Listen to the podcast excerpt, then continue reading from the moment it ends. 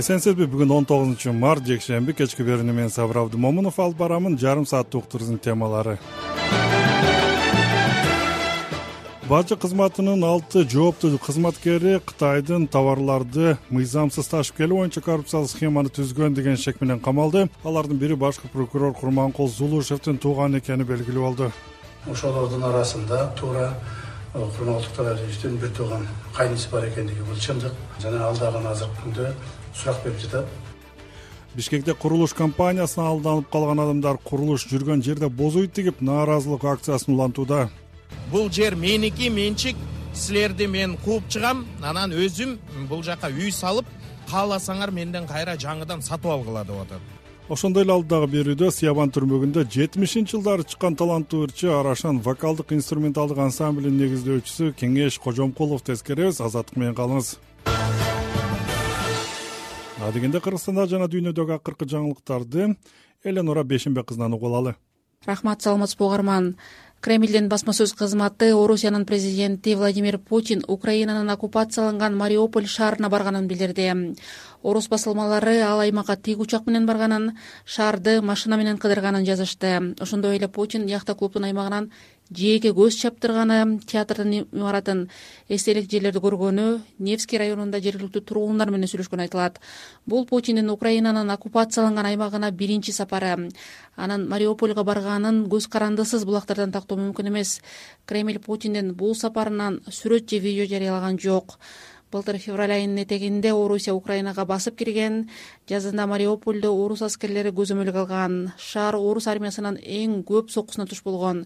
Миңдеген адам өлүп жергиликтүү тургундар эвакуацияланган. Украинанын президенти владимир зеленский согушта мариупольдун токсон беш пайызы кыйраганын айткан мунун алдында путин москва киевке каршы согуш ачкандан бери биринчи жолу аннексияланган крымга келгени тууралуу маалымат чыккан. Аймактын москвада дайындаган губернатору михаил развожаев телеграм каналына орус президентинин сапары алдын ала пландалбаганын келиши менен таң калтырганын жазган. Мунун алдында бир катар батыш мамлекеттери орусиянын крымды аннексиялап алган күнүнө карата москваны айыптаган билдирүү тараткан. Украинанын аймагы болгон крымды орусия эки миң он төртүнчү жылы аннексиялап алган кыргызстандын жаңылыктарынан атайын кызматтын төрагасы камчыбек ташиев коррупцияга шек саналып кармалган бажы кызматкерлеринин арасында башкы прокурор курманкул зулушевдун кайниси дагы бар экенин бышыктады анын бул факт тууралуу комментарий берген видеосу социалдык тармактарга жарыяланды. Анда зулушев экөөнүн ортосунда кандайдыр бир пикир келишпестик жоктугун белгилеген. Сегиз адамды кармадык. Алар ушу таможняда иштеген таможниктер э, жана ошол баягы жүктөрдү э, декларация кылгандар жүк ташыгандар ошол кытайдан өзбекстанга жүк ташып өткөргөндөр чоң суммадагы коррупциялык схема иштеп турган. Дегенде миллиард сомдо тегерегиндеги зыян келтирилген бюджетке. Ошолордун арасында туура э, курманкул токтогалиевичтин бир тууган кайниси бар экендиги бул чындык зулушев кайнисинин кармалганы тууралуу азырынча комментарий бере элек атайын кызмат он сегизинчи мартта бажы кызматынын алты жооптуу кызматкери жана жеке компаниянын үч өкүлү коррупцияга шек саналып кармалганын билдирген анда кармалгандар кытайдан эл керектеген товарларды мыйзамсыз ташып келген туруктуу канал уюштуруп жазылган. Казакстанда парламенттин төмөнкү палатасы мажилистин депутаттарын шайлоо өтүп жатат. Өлкөнүн президенти касым жомарт токаев астанада окуучулар сарайында добушкан ачылары менен келип добуш берди. Жана анын эртегилери тууралуу журналисттерге маалымат берилген эмес. Токаев ушул жылдын башында он тогузунчу январда мажилисти таратып мөөнөтүнөн мурда парламенттик шайлоо дайындаган бул күнү парламенттин төмөнкү палатасынын депутаттары менен кошо баардык деңгээлдеги жергиликтүү бийлик органдарын шайлоо өтүп жатат. Өлкөнүн жаңы мыйзамдарына ылайык мажилистин депутаттарынын жетимиш пайызы партиялык тизме менен калган отуз пайызы бир мандаттуу округдардан шайланат. Батыштын байкоочулары казакстанда токсон биринчи жылдан бери өткөн шайлоолордун бирин дагы эркин жана адилеттүү өттү деп тааныган эмес кыргыз өкмөтү ооганстандагы кыргыздарды өзбекстан аркылуу алып келгени жатат. Бул тууралуу эмгек социалдык камсыздоо жана миграция министрлигинин өкүлү жипар мамбетова он жетинчи мартта ишеним фракциясынын жыйынында билдирди. Ал ооган кыргыздарын алып келүү маселесин көтөргөн депутат чолпон султанбекованын суроосуна жооп берип жатып тышкы иштер министрлиги менен чогуу аракет көрүлүп жатканын айтты. Министрликке беш жүз миң акча каралган болчу ошолордун паспорт алып берүү боюнча андан сырткары азыр улуттук коопсуздук комитетинин атайын сунушу бар. Бир аз коопсуз абал эме болгонго чейин мындай күтүү режиминде болуп атат да. Өкмөттүн чечиминин долбоорун даярдадык. Бизге команда болсо ошо өзбекстан аркылуу маршрут иштелип чыкты. Ошол жак менен алып келүү боюнча иштер көрүлүп атат. Буга чейин файз абад шаарында алтымыш беш памирлик кыргыз бир канча убакыттан бери паспорт ала албай кыргызстанга келе албай жатканы айтылган. Жыл башында ооганстандагы эки миңге чукул кыргыз байырлаган памир өрөөнүндө сасык тумоонун оор түрү күч алып жарым айда жыйырмадан ашык адам каза болгону тууралуу маалыматтар чыккан. Президенттин жана өкмөттүн парламенттеги өкүлү алмазбек абытов алардын абалын билүү үчүн ал жака элчиликтин ишенимдүү өкүлү жөнөтүлгөнүн билдирген. Былтыр жайында кыргыз өкмөтү кичи жана чоң памирде жашаган бир жарым миңдей этникалык кыргыз көчүрүлүп келерин билдирген. Өкмөт башчысы акылбек жапаров бишкек эркин экономикалык аймагында дары чыгарган заводдун ачылышына катышты. Өкмөттүн басма сөз кызматынын билдиришинче завод иштей баштаса жүрөк кан тамыр эндокринологиялык ичеги карын жана жугуштуу оорулар ошондой эле заара чыгаруу системасынын ооруларына керектүү дарынын он түрүн чыгарууга даяр расмий маалыматка ылайык кыргызстанга дары дармек отуздан ашык мамлекеттен импорттолот. Эки миң жыйырма биринчи жылы негизинен импорттоочу орусия болчу. Былтырдан тартып дары дармек импортунда түркиянын өндүрүшү алдыга чыгып орусия экинчи орунга түшкөн. Эленура бейшенбек кызы айтып берген бул жана башка кабарлар азаттык чекит орг сайтында бар ошондой эле биздин тиркемени сөзсүз жүктөп алыңыз. Ал жерден сиз баардык биздин жаңылыктар тууралуу билдирмени алып турасыз эми аба ырайы маалыматы кыргыз гидромет эскертет жыйырманчы жыйырма биринчи март күндөрү чүй талас облустарынын дыйканчылык аймактарында үшүк жүрөт. Ашууларда кар көчкү коркунучу бар. Эртең жыйырманчы мартта кыргызстандын көпчүлүк аймактарында жаан тоолуу райондордо кар жаайт жолдор тайгак болот батыштан соккон шамалдын ылдамдыгы секундасына төрт тогуз метрге жетиши мүмкүн. Абанын температурасы чүй өрөөндө түнкүсүн плюс төрт минус эки күндүз тогуз он төрт градус талас чергесинде түнкүсүн плюс үч минус эки күндүз жети он эки градус жылуу. Баткен ош жалал абадта түнкүсүн алты он бир күндүз жыйырма градуска чейин жылыйт. Ысык көл облусунда түнкүсүн минус үч плюс эки күндүз сегиз он үч градус. Нарындын өрөөндөрүндө түнкүсүн минус алты минус он бир градус күндүз беш он градус. Бийик тоолуу райондордо түнкүсүн минус он беш минус жыйырма градус күндүз үч сегиз градус суук болот бишкекте жамгыр жаабайт абанын температурасы түнү минус бирден плюс бирге чейин болот ал эми күндүзү тогуз он бир градус жылуу болот. Макалаларга өтөбүз улуттук коопсуздук боюнча мамлекеттик комитети бажы кызматынын алты жооптуу кызматкерин кытайдын мыйзамсыз товарларын ташыган туруктуу схеманы түзгөн деген шек менен кармалды алардын бири башкы прокурор курманкул зулушевдин тууганы экени белгилүү болду. Бул жагдай эки органдын тиреши тууралуу талкууга жем таштады. Атайын кызматтын төрагасы камчыбек ташиев кармалгандардын арасында башкы прокурордун тууганы бар экенин ырастап бирок ич чара тиреш тууралуу айтылгандарды четке какты. Башкы прокуратура тараптан комментарий бериле элек толугураак кабарчыбыз замира кожобаева айтып берет улуттук коопсуздук боюнча мамлекеттик комитети бажы кызматынын алты жооптуу кызматкери жана жеке компаниянын үч өкүлү кармалганын он сегизинчи мартта жарыялады. Атайын кызматтын маалыматына караганда алар кытайдан эл керектөөчү товарларды мыйзамсыз ташып келүү боюнча туруктуу канал уюштуруп коррупциялык схема түзгөн деп шек саналууда кармалгандар атайын кызматтын тергөө абагына киргизилген. Укмкнын маалыматында булардын арасында жогорку кызматтагы адамдардын жакындары бар экени жазылып бирок эч кимдин ысымы ачык аталган эмес. Белгилей кетсек кармалган мамлекеттик бажы кызматынын кызматкерлери менен жеке компаниялардын өкүлдөрүнүн арасында жогорку кызматтагы адамдардын жакындары бар. Деген маалымат айтылган жана бул кылмыш иши укмкнын төрагасы камчыбек ташиевдин көзөмөлү менен каралып жатканы белгиленген кийинчерээк сөз башкы прокурор курманкул зулушевдин кайниси тууралуу жүрүп жатканы белгилүү болду. Он тогузунчу мартта атайын кызматтын төрагасы камчыбек ташиев кармалгандардын бири баш прокурор курманкул зулушевдин кара чечекей кайниси экенин ырастап бирок экөөнүн ортосунда кайчы пикирлер бар деген маалыматтарды четке какты биз курманкул тураевич менен менин ортомдо эч кандай жок.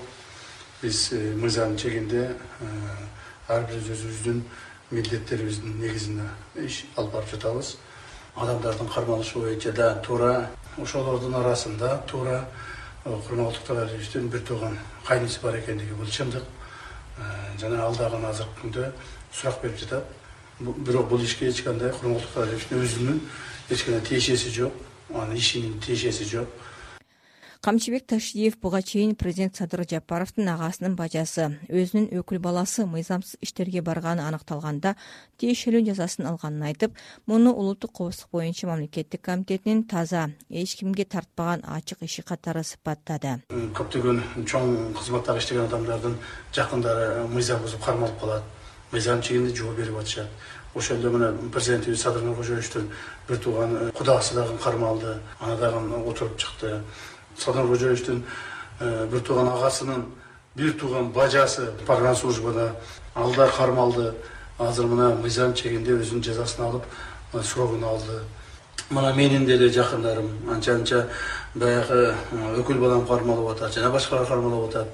То есть мамлекеттик чоң кызматта иштеген адамдардын жакындары мыйзам бузган болсо аларга эч кандай аябаа болбойт баш прокурор зулушевдин өзү жана ал жетектеген орган азырынча бул тууралуу комментарий бере элек. Интернет колдонуучулар маалымат каражаттарынын арасында муну эки органдын тиреши катары сыпаттагандар да чыгууда.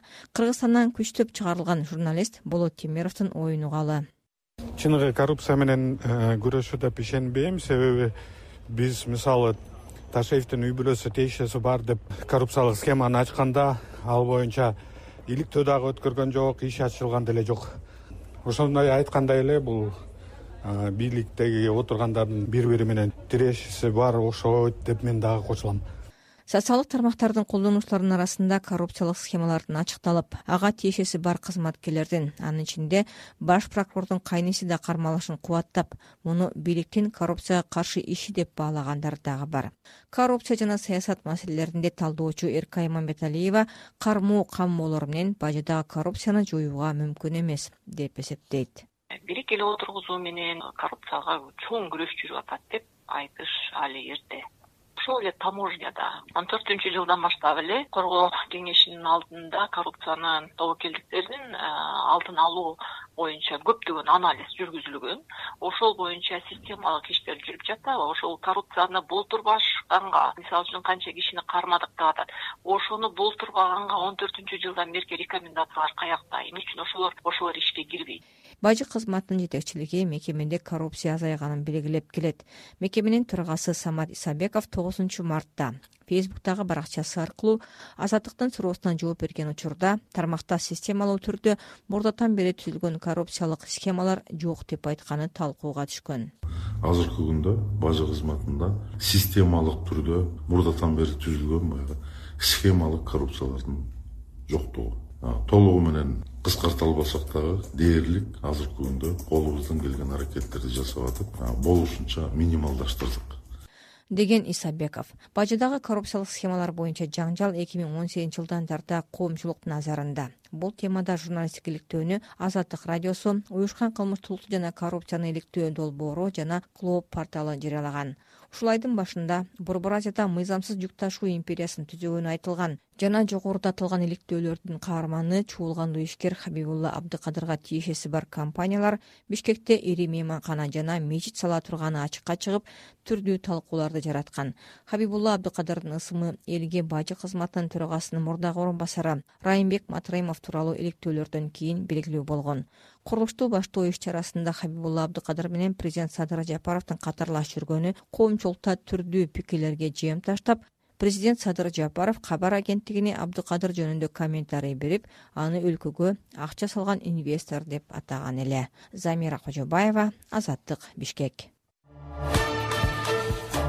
азаттыктан уктуруубузду улантабыз бишкектеги акунбаев менен молдокулов көчөлөрүнүн кесилишиндеги курулушта боз үй тигилип эл чогулуп курулуш компаниясына алданып калганына даттанууда алар үйдүн пайдубалы түптөлө баштаганда эле батир сатып алып бирок үйүнүн курулушу аягына чыкпай токтоп калганын маселеси беш алты жылга созулуп кеткенин айтышууда. Теманын чоо жайы кабарчыбыз жазгүл эгембердиеванын материалында.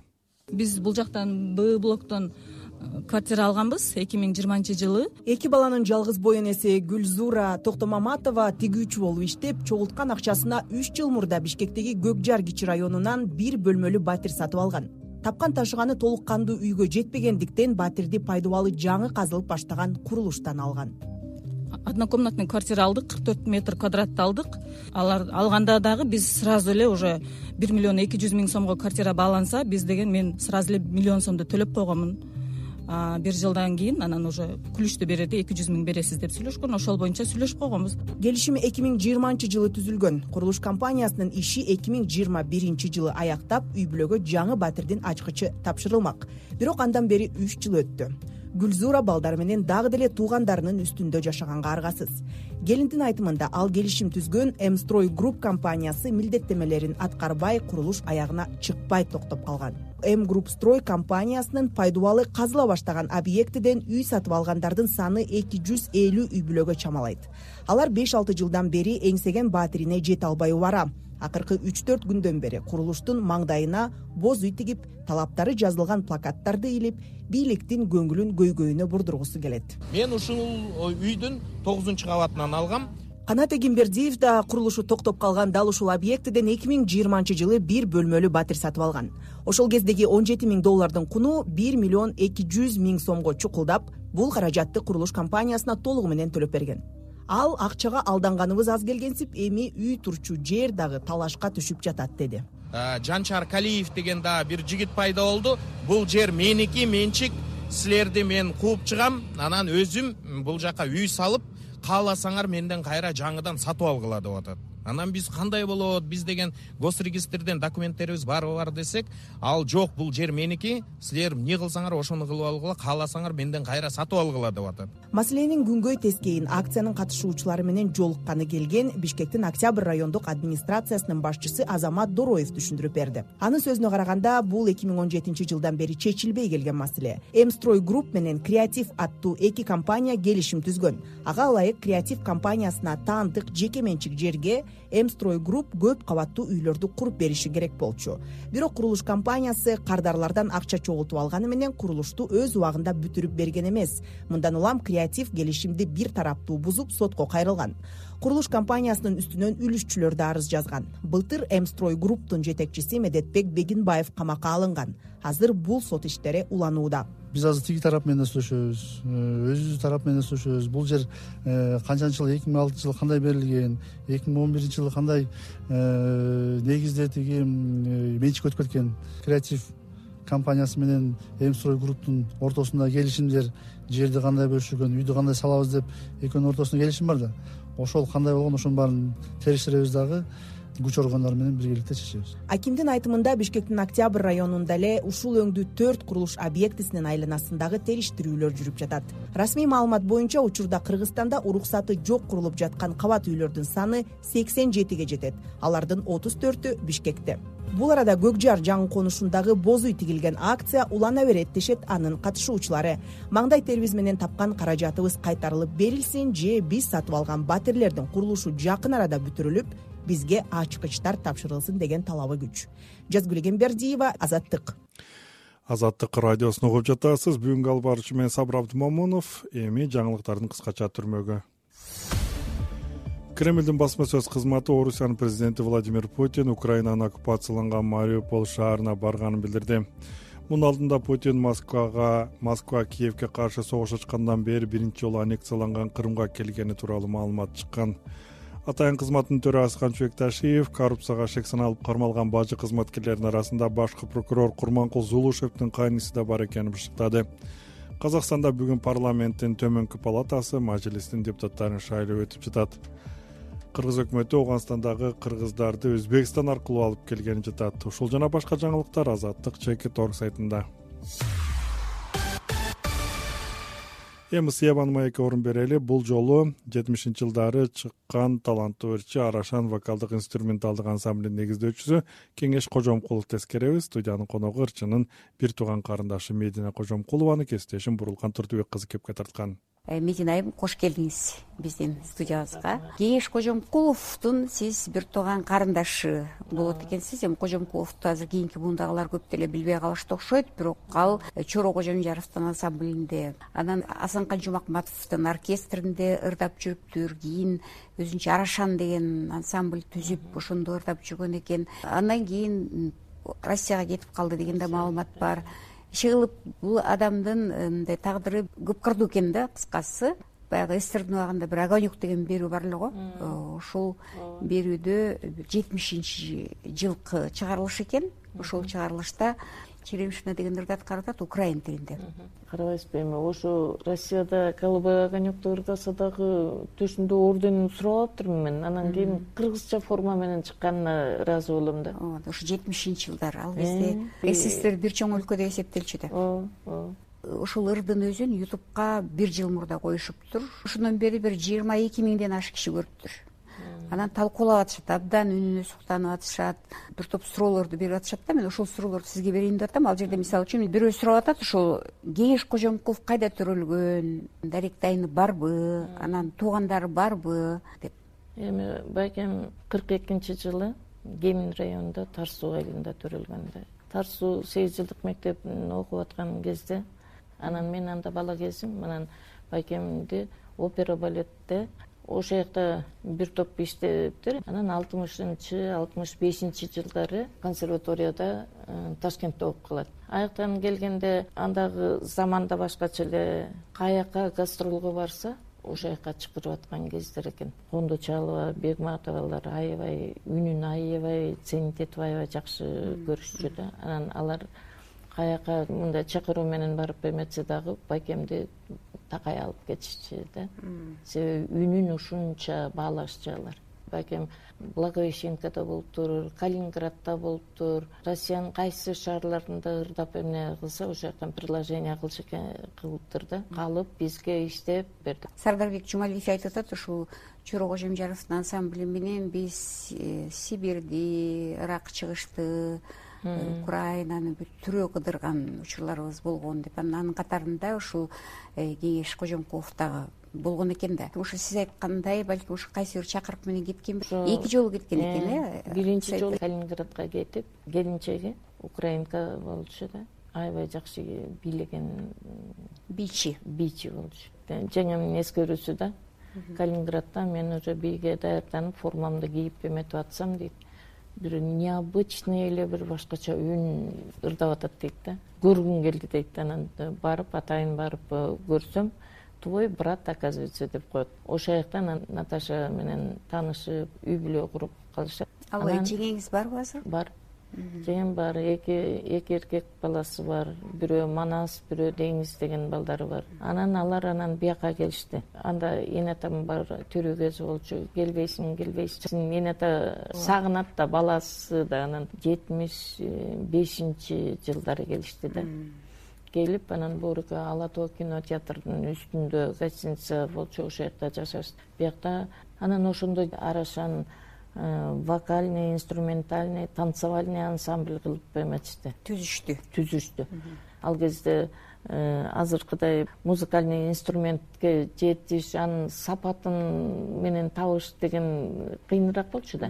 Микрофонунан бери инструменттери анан аны ойногон балдары ошону россиядан ала келген да мен анда студент болчумун. Анан аябай жакшы түзүшкөн ал ансамбль беш жыл иштептир э анан сексенинчи жылы тарап кеткен турбайбы. А тарашынын себеби эмнеде деп э, айтчу эле агаңыз? Эми тарашы мындай болуп калды. Бул гостиницада эле жашап атышты анан кийин семейный кишиге кыйын болуп калды болуш керек. Анча эле новгороддон наташанын үйү под снос кетти. Ошо байкемдерге үч комната квартирасы берилди тиги апасына бөлөк берилди. Анан новгороддо тастропович атындагы филармонияга барганда эле ошол жака кирет да анан ошол жактан кайра ансамбль уюштурушат да. Ал жерде көп жыл иштешти бияк менен биротоло кол үзүшүп биротоло ушул орусияда жашаш үчүн кетип атам деди да э? Эми мындай болуп калды. Бул иш. Арашанга чейин эле мамлекеттин сыйлыгы дух берчү эмес беле. Так айта албайм ошол кезде байкеме награда берет. Өзү айтып жүрчү орденге приказ чыгып анан ал объявить этилип газетага чейин чыгып бир айга жакын ушундай дуулдап э, эме болгон дейт да. Анан последний эмеде э, эми мен э, баягы толук билбегенден кийин айтпай эле койгонум оң го айсулуу токомбаевагабы же токомбаевдин өзүнөбү ошондо кайра тияка берилип калыптыр да. Анан ошондо байкем таарына түшкөн экен. Анан ошондо мен эки сааттын ичинде даярданып туруп кетип калдым деди да. Ошондо жаңы эле благовещенкадан келишиптир тиги бегматов алар болупчу кундучалова эже жакшы эле айтты дейт кеңеш мындай акырындап эле иштеп турчу бияка.